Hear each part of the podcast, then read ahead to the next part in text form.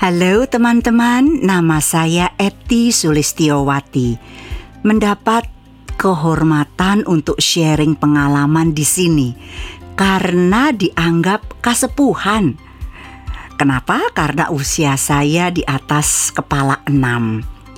Sebetulnya dalam teori saya baru mendalami beberapa tahun terakhir ini secara intensif dengan mengambil kursus-kursus seperti di Sanggar Prativi, kemudian kelas-kelas VO dengan pembimbing para voice over handal.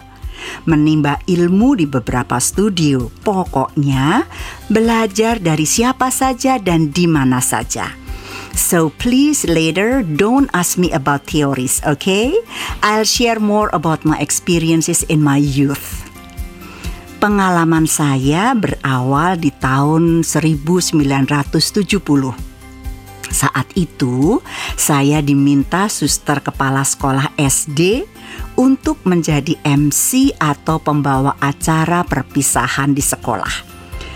Wah, berbicara di depan orang banyak, mana berani? Saya menolak dengan berbagai alasan. Nah, saat itu saya ingat kata-kata beliau yang berpesan, "Eti, bila kamu diminta tampil, pasti yang memintamu tahu bahwa kamu punya potensi dan kamu pasti bisa. Jangan ditolak. Ya, terima, kemudian usaha, belajar dan minta bimbingannya." Mulai saat itu, PD saya menjadi berlipat. Oke, public speaking saya terasa secara otodidak. Dan waktu dari waktu ke waktu dan dalam kurun waktu sampai kurang lebih tahun 2000 2003-an begitu banyak sekali olah suara yang saya geluti. Tampil di banyak lomba seperti puisi, pidato, storytelling, drama, teater, dan mengumpulkan berbagai penghargaan. Kemudian di bidang per saya biasanya dengan tiga bahasa, baik formal seperti pelantikan pejabat, event-event nasional di Jawa Tengah, atau acara-acara hiburan seperti ulang tahun, pertunangan, lamaran, sampai pengantin khususnya pengantin Jawa, lengkap dengan berbagai titik melik atau persiapan rangkaiannya. Tahun 80-an sambil kuliah di Semarang, saya banyak diminta membantu kantor-kantor pemerintahan di Jawa Tengah sebagai penterjemah, interpreter, conference assistant, mengisi suara slide corporate untuk beberapa kantor, kemudian sebagai tour guide, Demikian pula di bidang pendidikan. Saya membantu mengisi suara modul pelajaran bahasa Inggris untuk universitas terbuka. Mengajar bahasa Inggris di berbagai tempat sampai saya mempunyai program sendiri di Radio Gajah Mada Semarang waktu itu namanya English Through the Air sering mengisi sandiwara radio di RRI Semarang dalam acara anak-anak dan acara sosial lainnya. But frankly speaking, yang paling membanggakan adalah saat tahun 1977 saya dikirim ke Australia sebagai exchange student dan sekaligus duta budaya. Nah, di negeri orang ini saya betul-betul harus mumpuni dalam berbicara, menari, memasak, mengajar, baik itu mengajar bahasa Indonesia maupun mengajar menari. Bahkan pernah diwawancarai di ABC Studio di Australia. Nah, itu pertama kali saya masuk ke studio. Wah, panjang sekali perkenalan ini ya. Uh, mohon maaf tidak bermaksud untuk pamer atau sombong, only just sharing my activities just to inspire the youth now. Oke teman-teman, Selanjutnya monggo kalau mau bertanya, but make sure it's about experiences because kalau tentang teori justru saya belajar dari teman-teman semuanya. Okay? so mostly about public speaking. I will wait for your question. Saya tunggu pertanyaan teman-teman. Okay? thank you very much. Terima kasih, matur nuwun, sumonggo.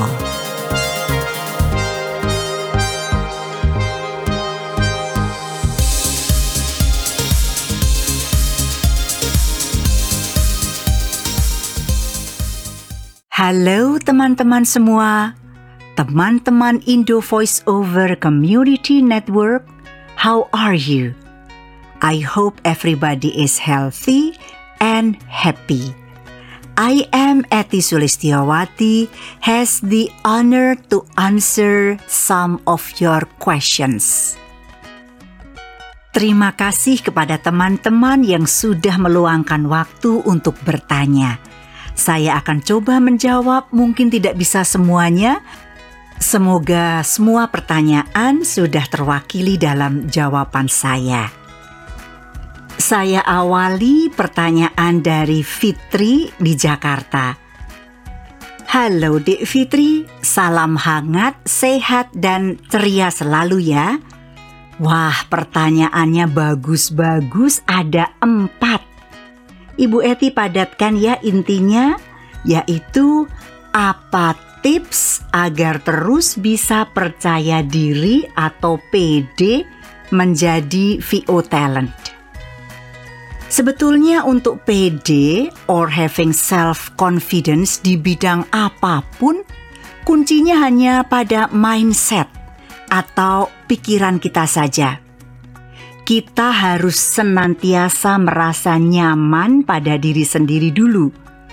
Trust in yourself, bahwa saya bisa, saya mampu melakukan itu, saya mau belajar, saya akan sukses, dan lain-lain. Isi mindset kita dengan positive thinking, positive attitude, dan rasa penuh syukur pada karunia yang kita miliki. Be proud of yourself. Dengan modal ini, di mana pun kita berada, akan selalu pede. Tidak mempan ejekan or bullying apa pun itu dan dari siapa saja. Bila passion ada pada dunia olah suara, go for it. Buka wawasan, buka mata, buka telinga, dan buka hati untuk belajar sebanyak-banyaknya. Tidak gampang menyerah. Learning by doing. Praktekan itu, Dek Fitri. Kalau gagal, coba lagi. Kegagalan adalah kesuksesan yang tertunda. Oke, okay? thank you very much. Good luck. Pertanyaan selanjutnya datang dari Dek Cita di Semarang.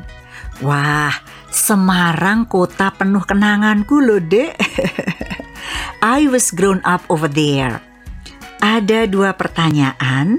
Yang pertama, lebih baik spesifik misalnya konsentrasi di storytelling atau mengasah kemampuan voice acting secara keseluruhan.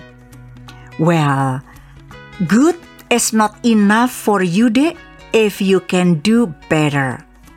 Bila storytelling telah kau kuasai dengan baik, akan menguntungkan bila bisa mendalami yang lain. Modalnya kan cuma satu, yaitu suara.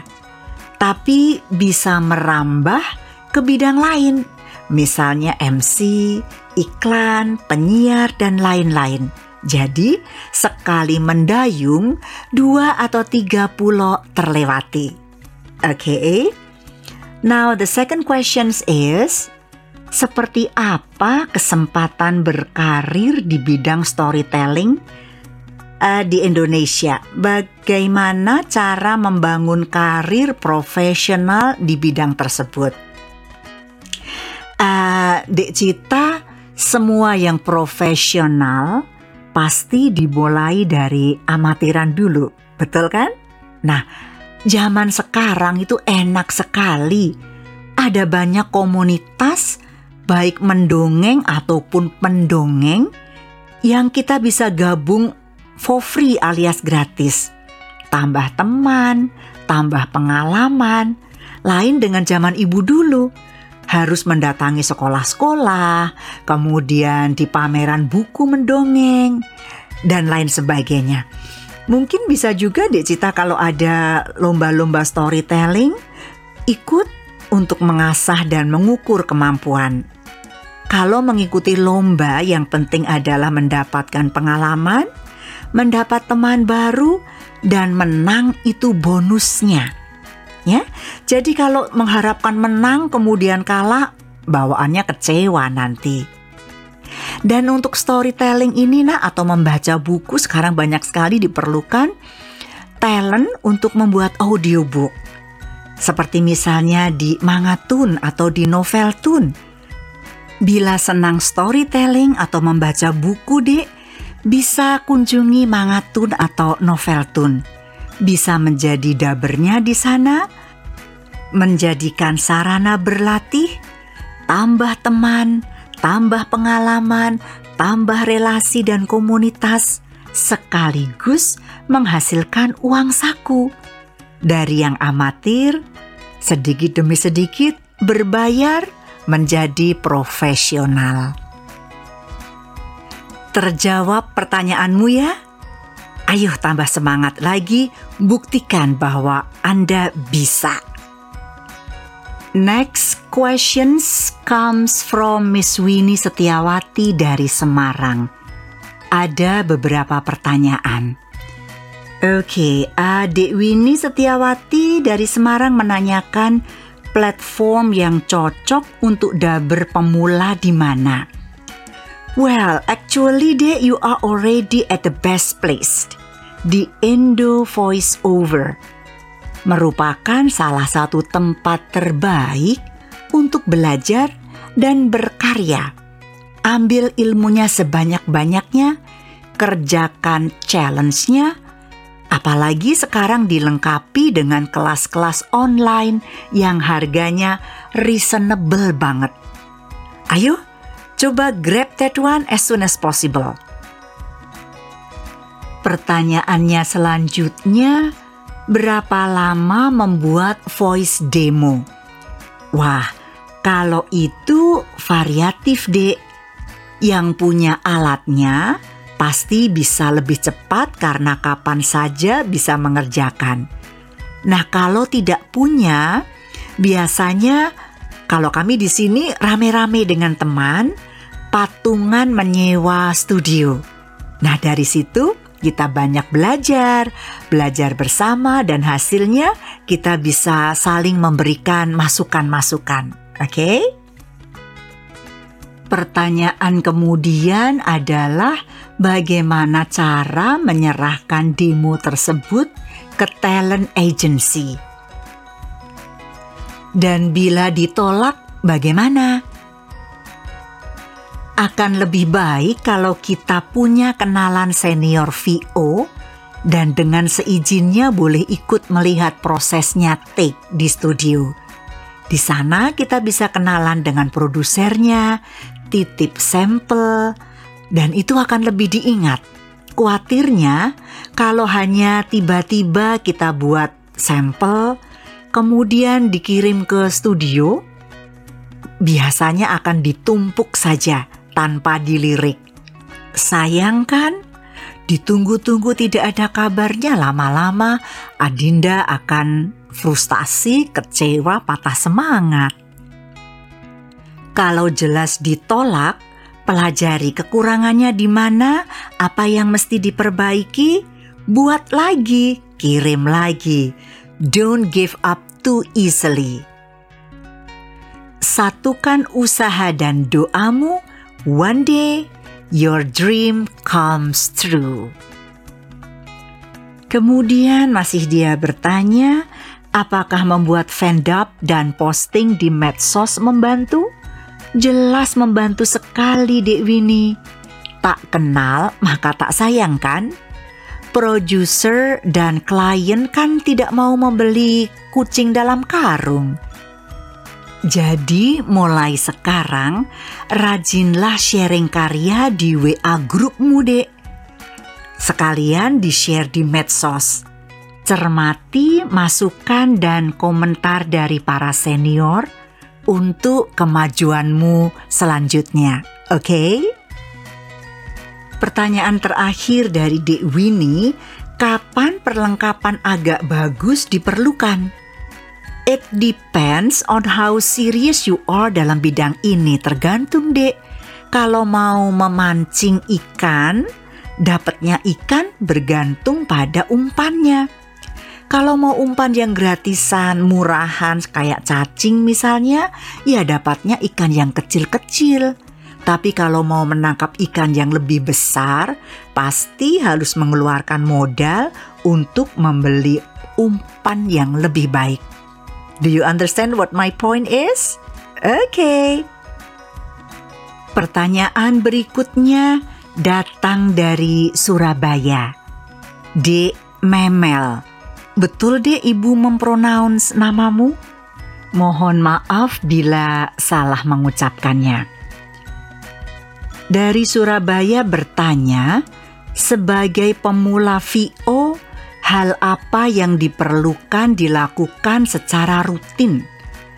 Kalau dulu, Bu Eti hanya berlatih dengan membaca bersuara untuk melemaskan otot-otot mulut atau melatih membaca kata-kata yang belibet seperti tang twister.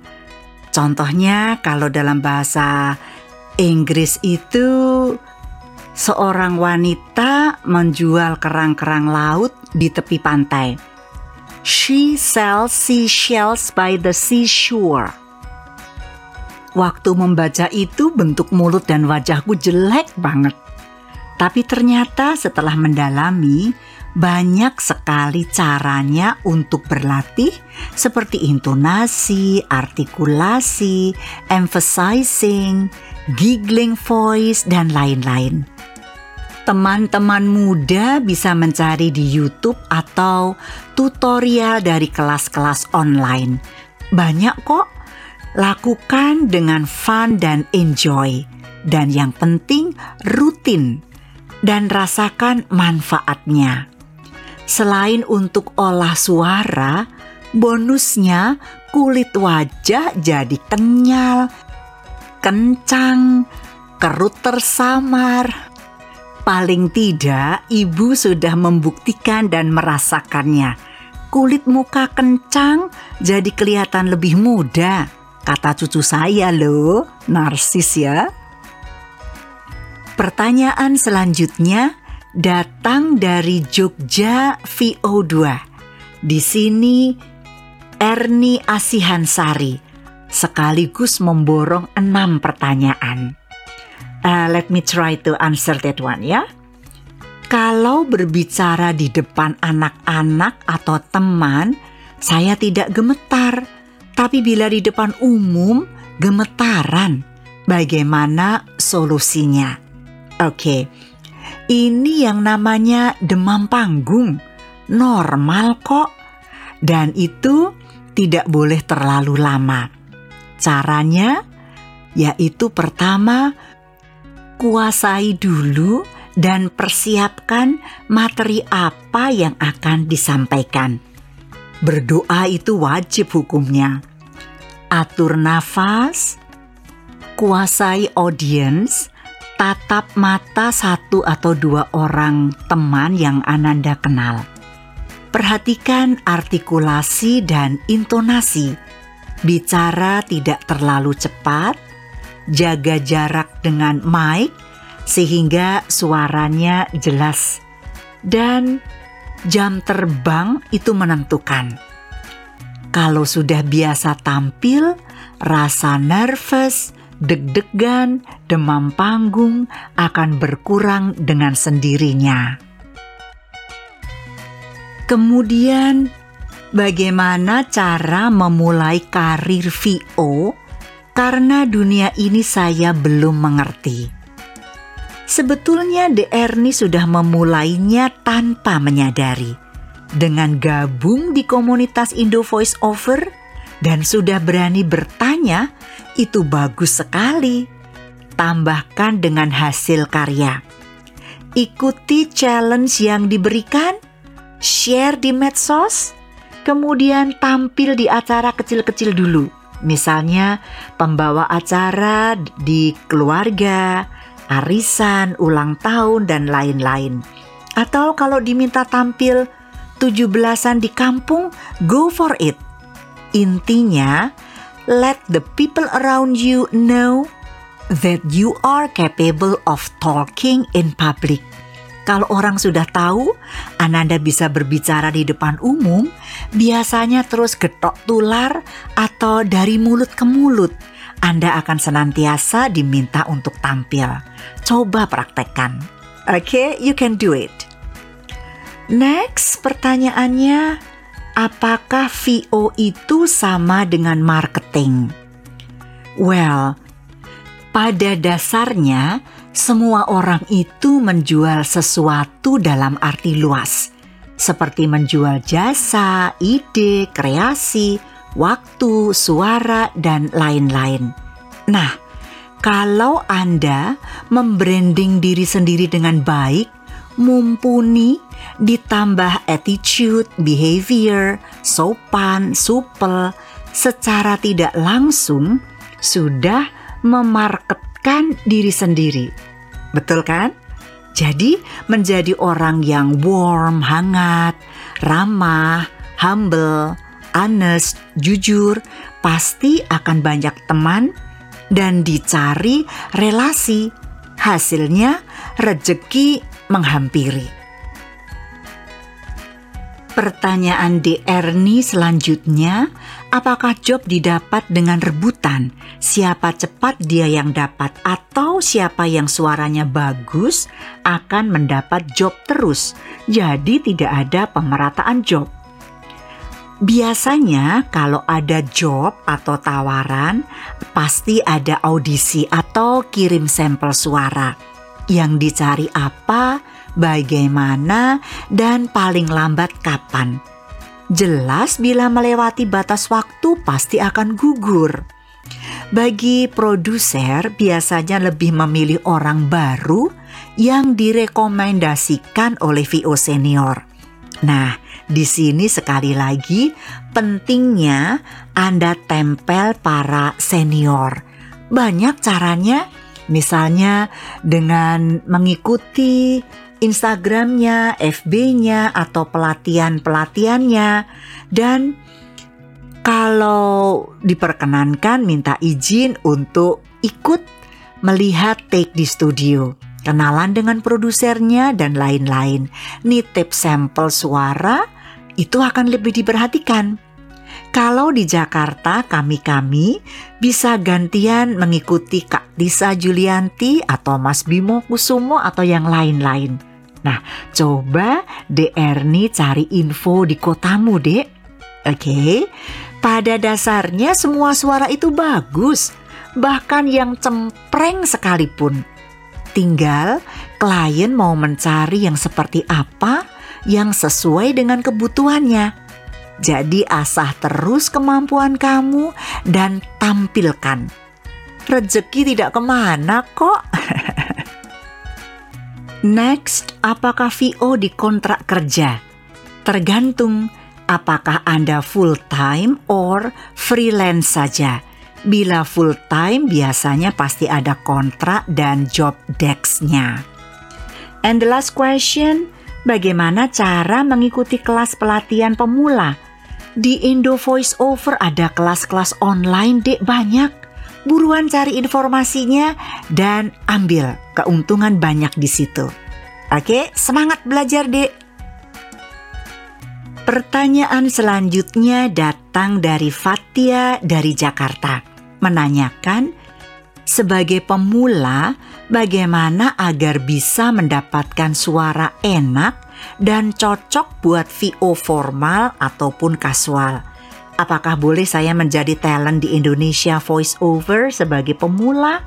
Wah, boleh banget Dek Fatia. Yang perlu diingat, please be yourself.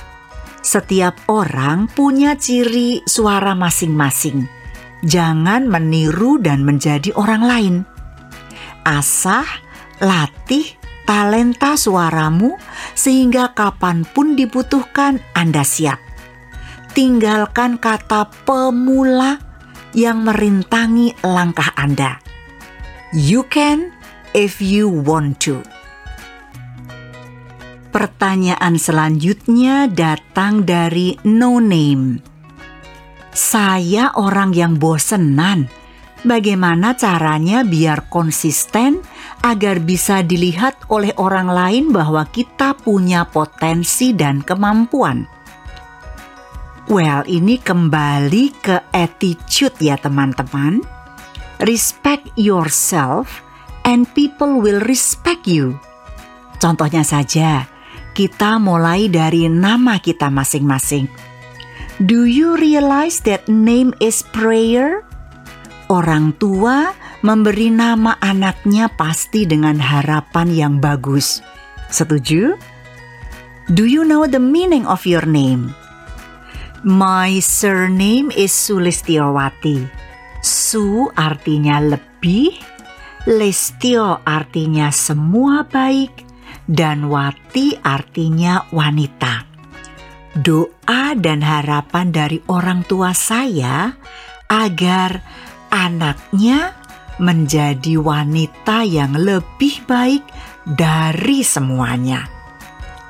That's make me proud of my name. Kapan pun menyebut menulis nama saya dengan bangga.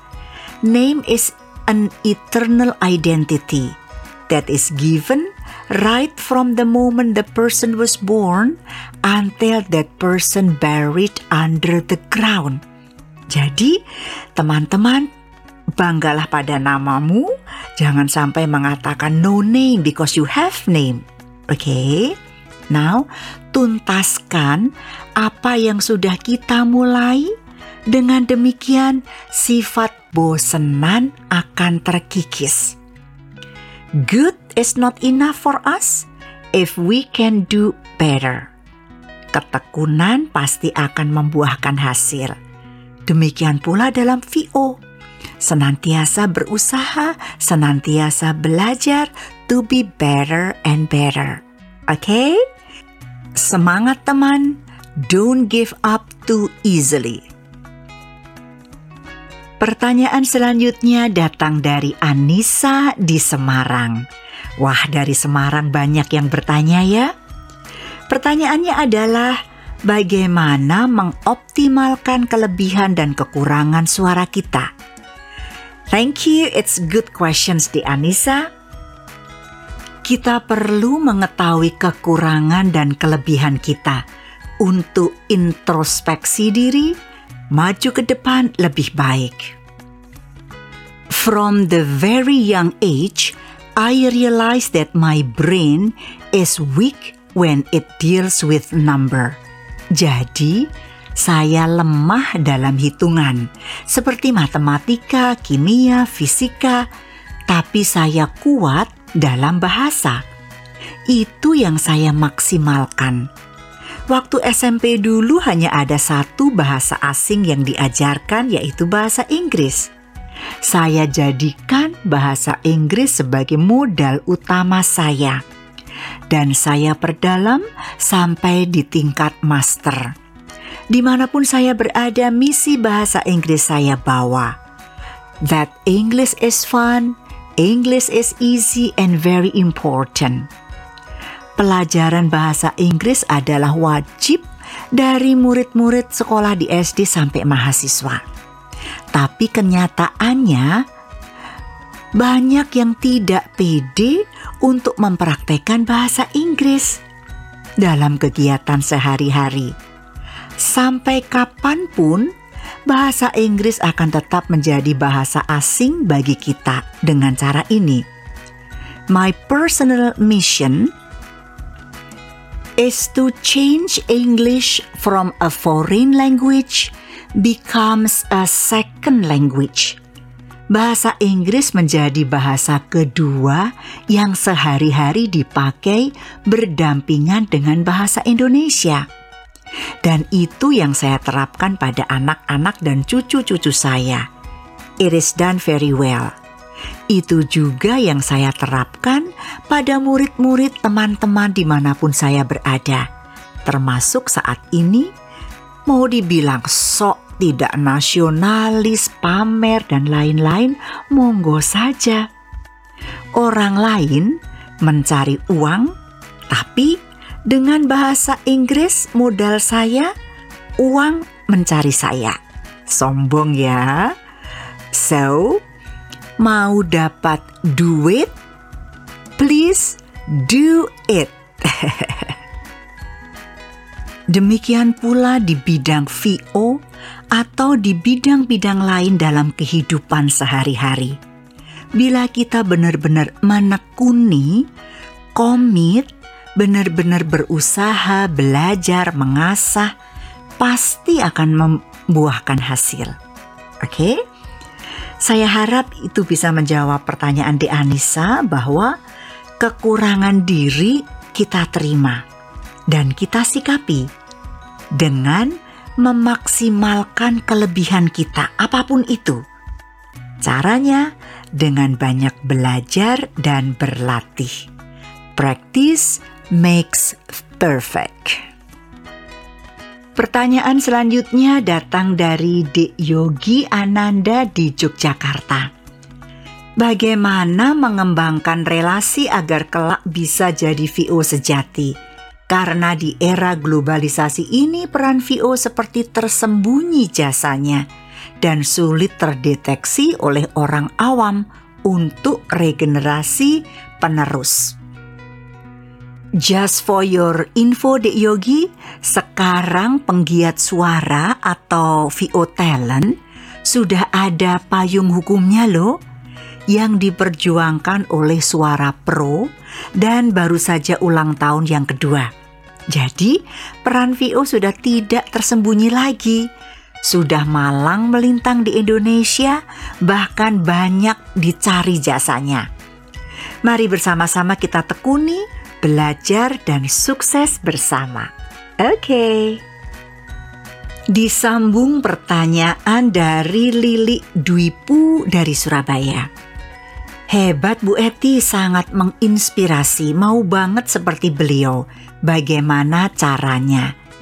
Terima kasih untuk pujiannya Dek Lili. Life is only once, so always do your best and you will never regret it. Hidup itu hanya sekali, Dek. Selalu lakukan yang terbaik dan Anda tak akan pernah menyesalinya. Apa pun bidang yang Anda suka dan Anda pilih, just do your best and let God do the rest. Thank you. Lanjut pertanyaan dari Tuti Fruti di Malang. Halo Dek Tuti Frutti di Malang, apa kabar? Is Tuti Frutti your real name? Pasti nama aslimu much better and has special charisma. Be proud of your name ya dek. Wah, semoga one day kita dapat bertemu in person.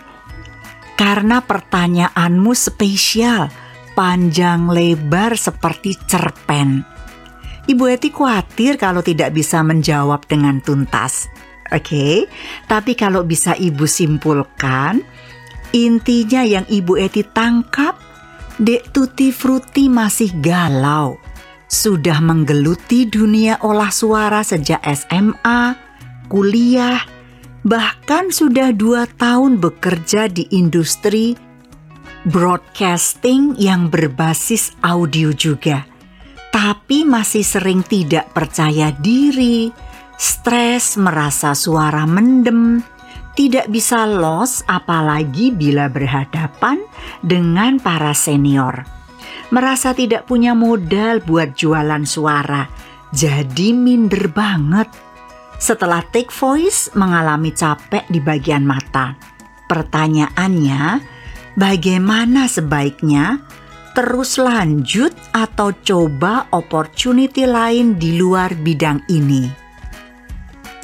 Ibu Eti coba mengulasnya in general ya. Teman-teman semua, please be careful with your mind. what you think, that what will happen. Apa yang teman-teman pikirkan, itu yang akan terjadi in real life. Energy follows thought. Energi akan selalu mengikuti ke mana arah pikiran kita. Ibu Eti beri ilustrasi. Sering orang tua memberi peringatan anak karena sayang pastinya, tapi dengan energi yang salah. Misalnya, jangan manjat, tidak boleh main air, dasar pemalas, dan lain-lain. Perhatikan pemakaian kata tidak, jangan, dan kata-kata yang berkonotasi negatif lainnya. Jangan manjat, yang didengar justru kata manjatnya. Jadi anak seperti disuruh manjat. Tidak boleh main air. Yang terjadi memberi penekanan pada main airnya. Sehingga jelas anak-anak seperti disuruh malahan. Dasar pemalas. Yang tercatat di otak kata pemalasnya jadi itu justru yang diberi energi anak menjadi malas. Sedapat mungkin hindarilah kata-kata negatif. Misalnya mau mengatakan jangan manjat. Gantilah dengan kata-kata, "Nak, hati-hati ya."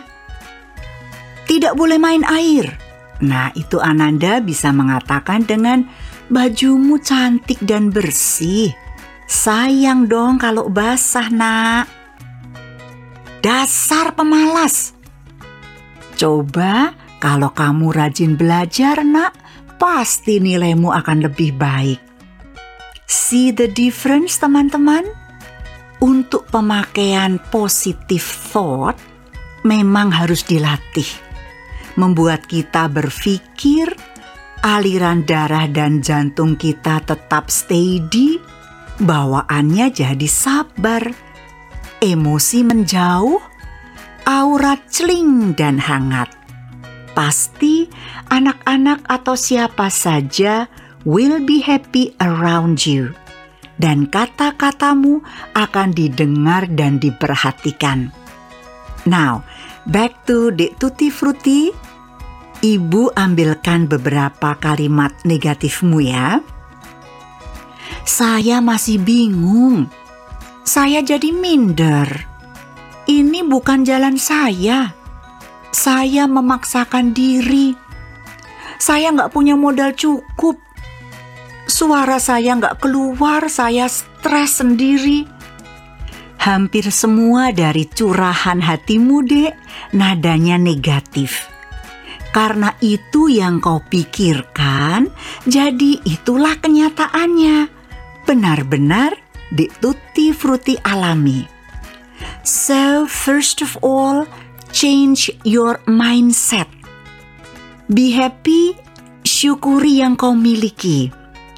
Pengalaman olah suara dari SMA, kemudian sudah bekerja di broadcasting selama dua tahun, itu karunia loh dek.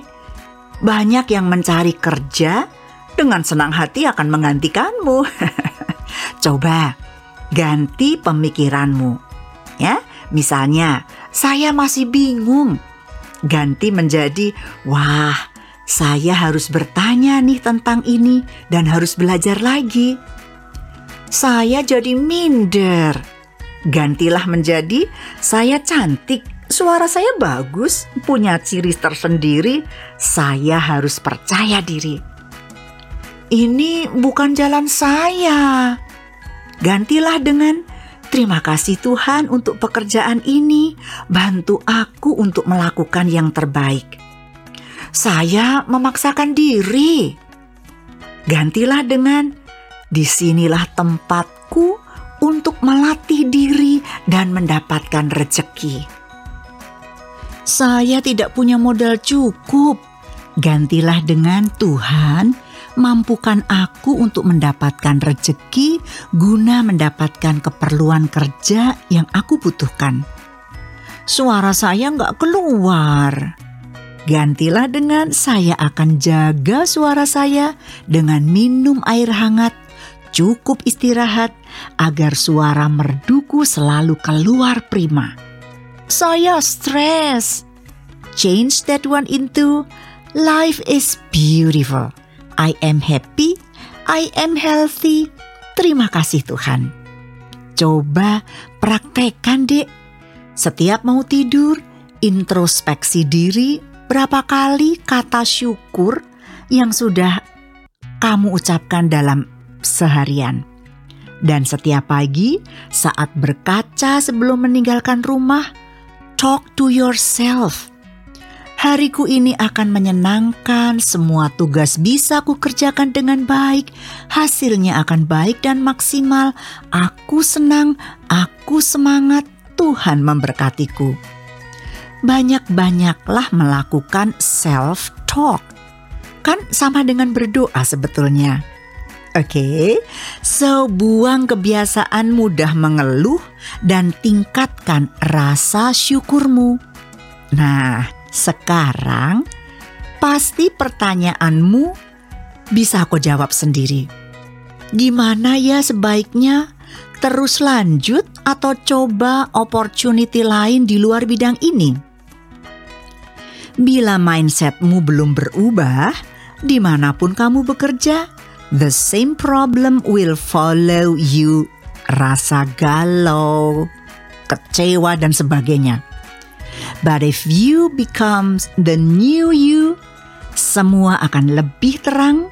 Kalau ada kesempatan lebih baik, better opportunity, better offer, and better future, take it.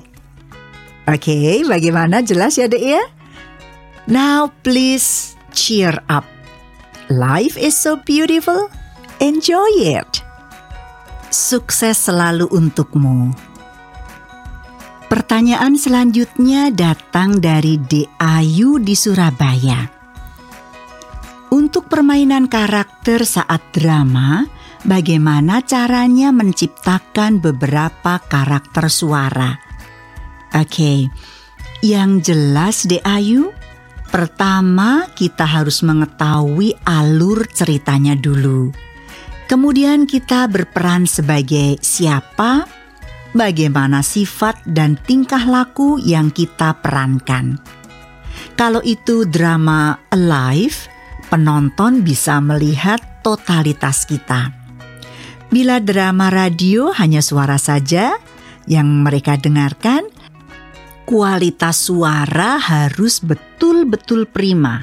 Intonasi, artikulasi, ekspresi suara manja, marah, senang, dan lain-lain harus betul-betul ekspresif. Ditunjang oleh back sound musik yang pas. De Ayu pernah melihat dalang, luar biasa kan? Satu orang bisa berganti-ganti suara sesuai karakternya. Caranya bagaimana? Harus belajar secara serius, konsisten, dan persisten. Oke, okay, thank you. Kembali pertanyaan dari Semarang. Saat ini yang bertanya adalah Ratna. Ibu bagaimana menjaga semangat biar tetap konsisten, eksis apalagi pas baru-baru terjun di VO. Thank you very much. Halo Dek Ratna di Semarang, sehat selalu ya. Saat ini, Ibu Eti betul-betul menikmati bonus waktu yang diberikan Tuhan dengan mengisi sebaik-baiknya agar bermanfaat bagi banyak orang. Kenapa Ibu mengatakan bonus? Because I have survived with my three children. My husband passed away 17 years ago, so as a single mom, now I am proud of myself. Anak-anak sudah selesai kuliahnya, mendapat pekerjaan baik, dan semua sudah menikah.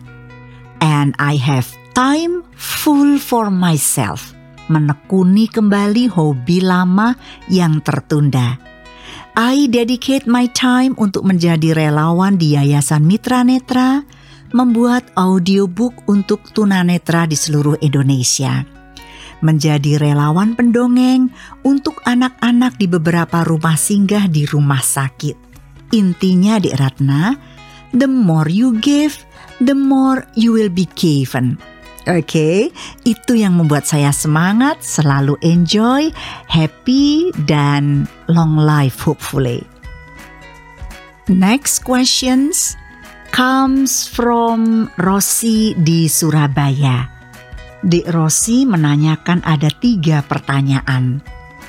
Yang pertama, bagaimana caranya memaintain untuk tetap eksis di dunia VO atau dubber? Kuncinya di Rossi adalah always do what you love and love what you do. Karena Ibu Eti senang, jadi maunya belajar terus, Dek. Umur tidak menjadi penghalang. Never too old to learn. I love the community, kumpul dengan teman-teman muda yang penuh vitalitas dan kreativitas, jadi ketularan semangat dan jiwa mudanya juga, Dek. Asyik ya? Lanjut ke pertanyaan kedua.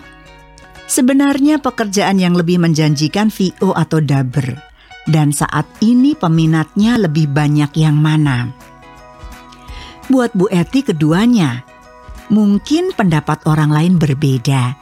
Ada yang lebih senang VO karena cepat selesai dan hasilnya cepat dipetik misalnya VO iklan.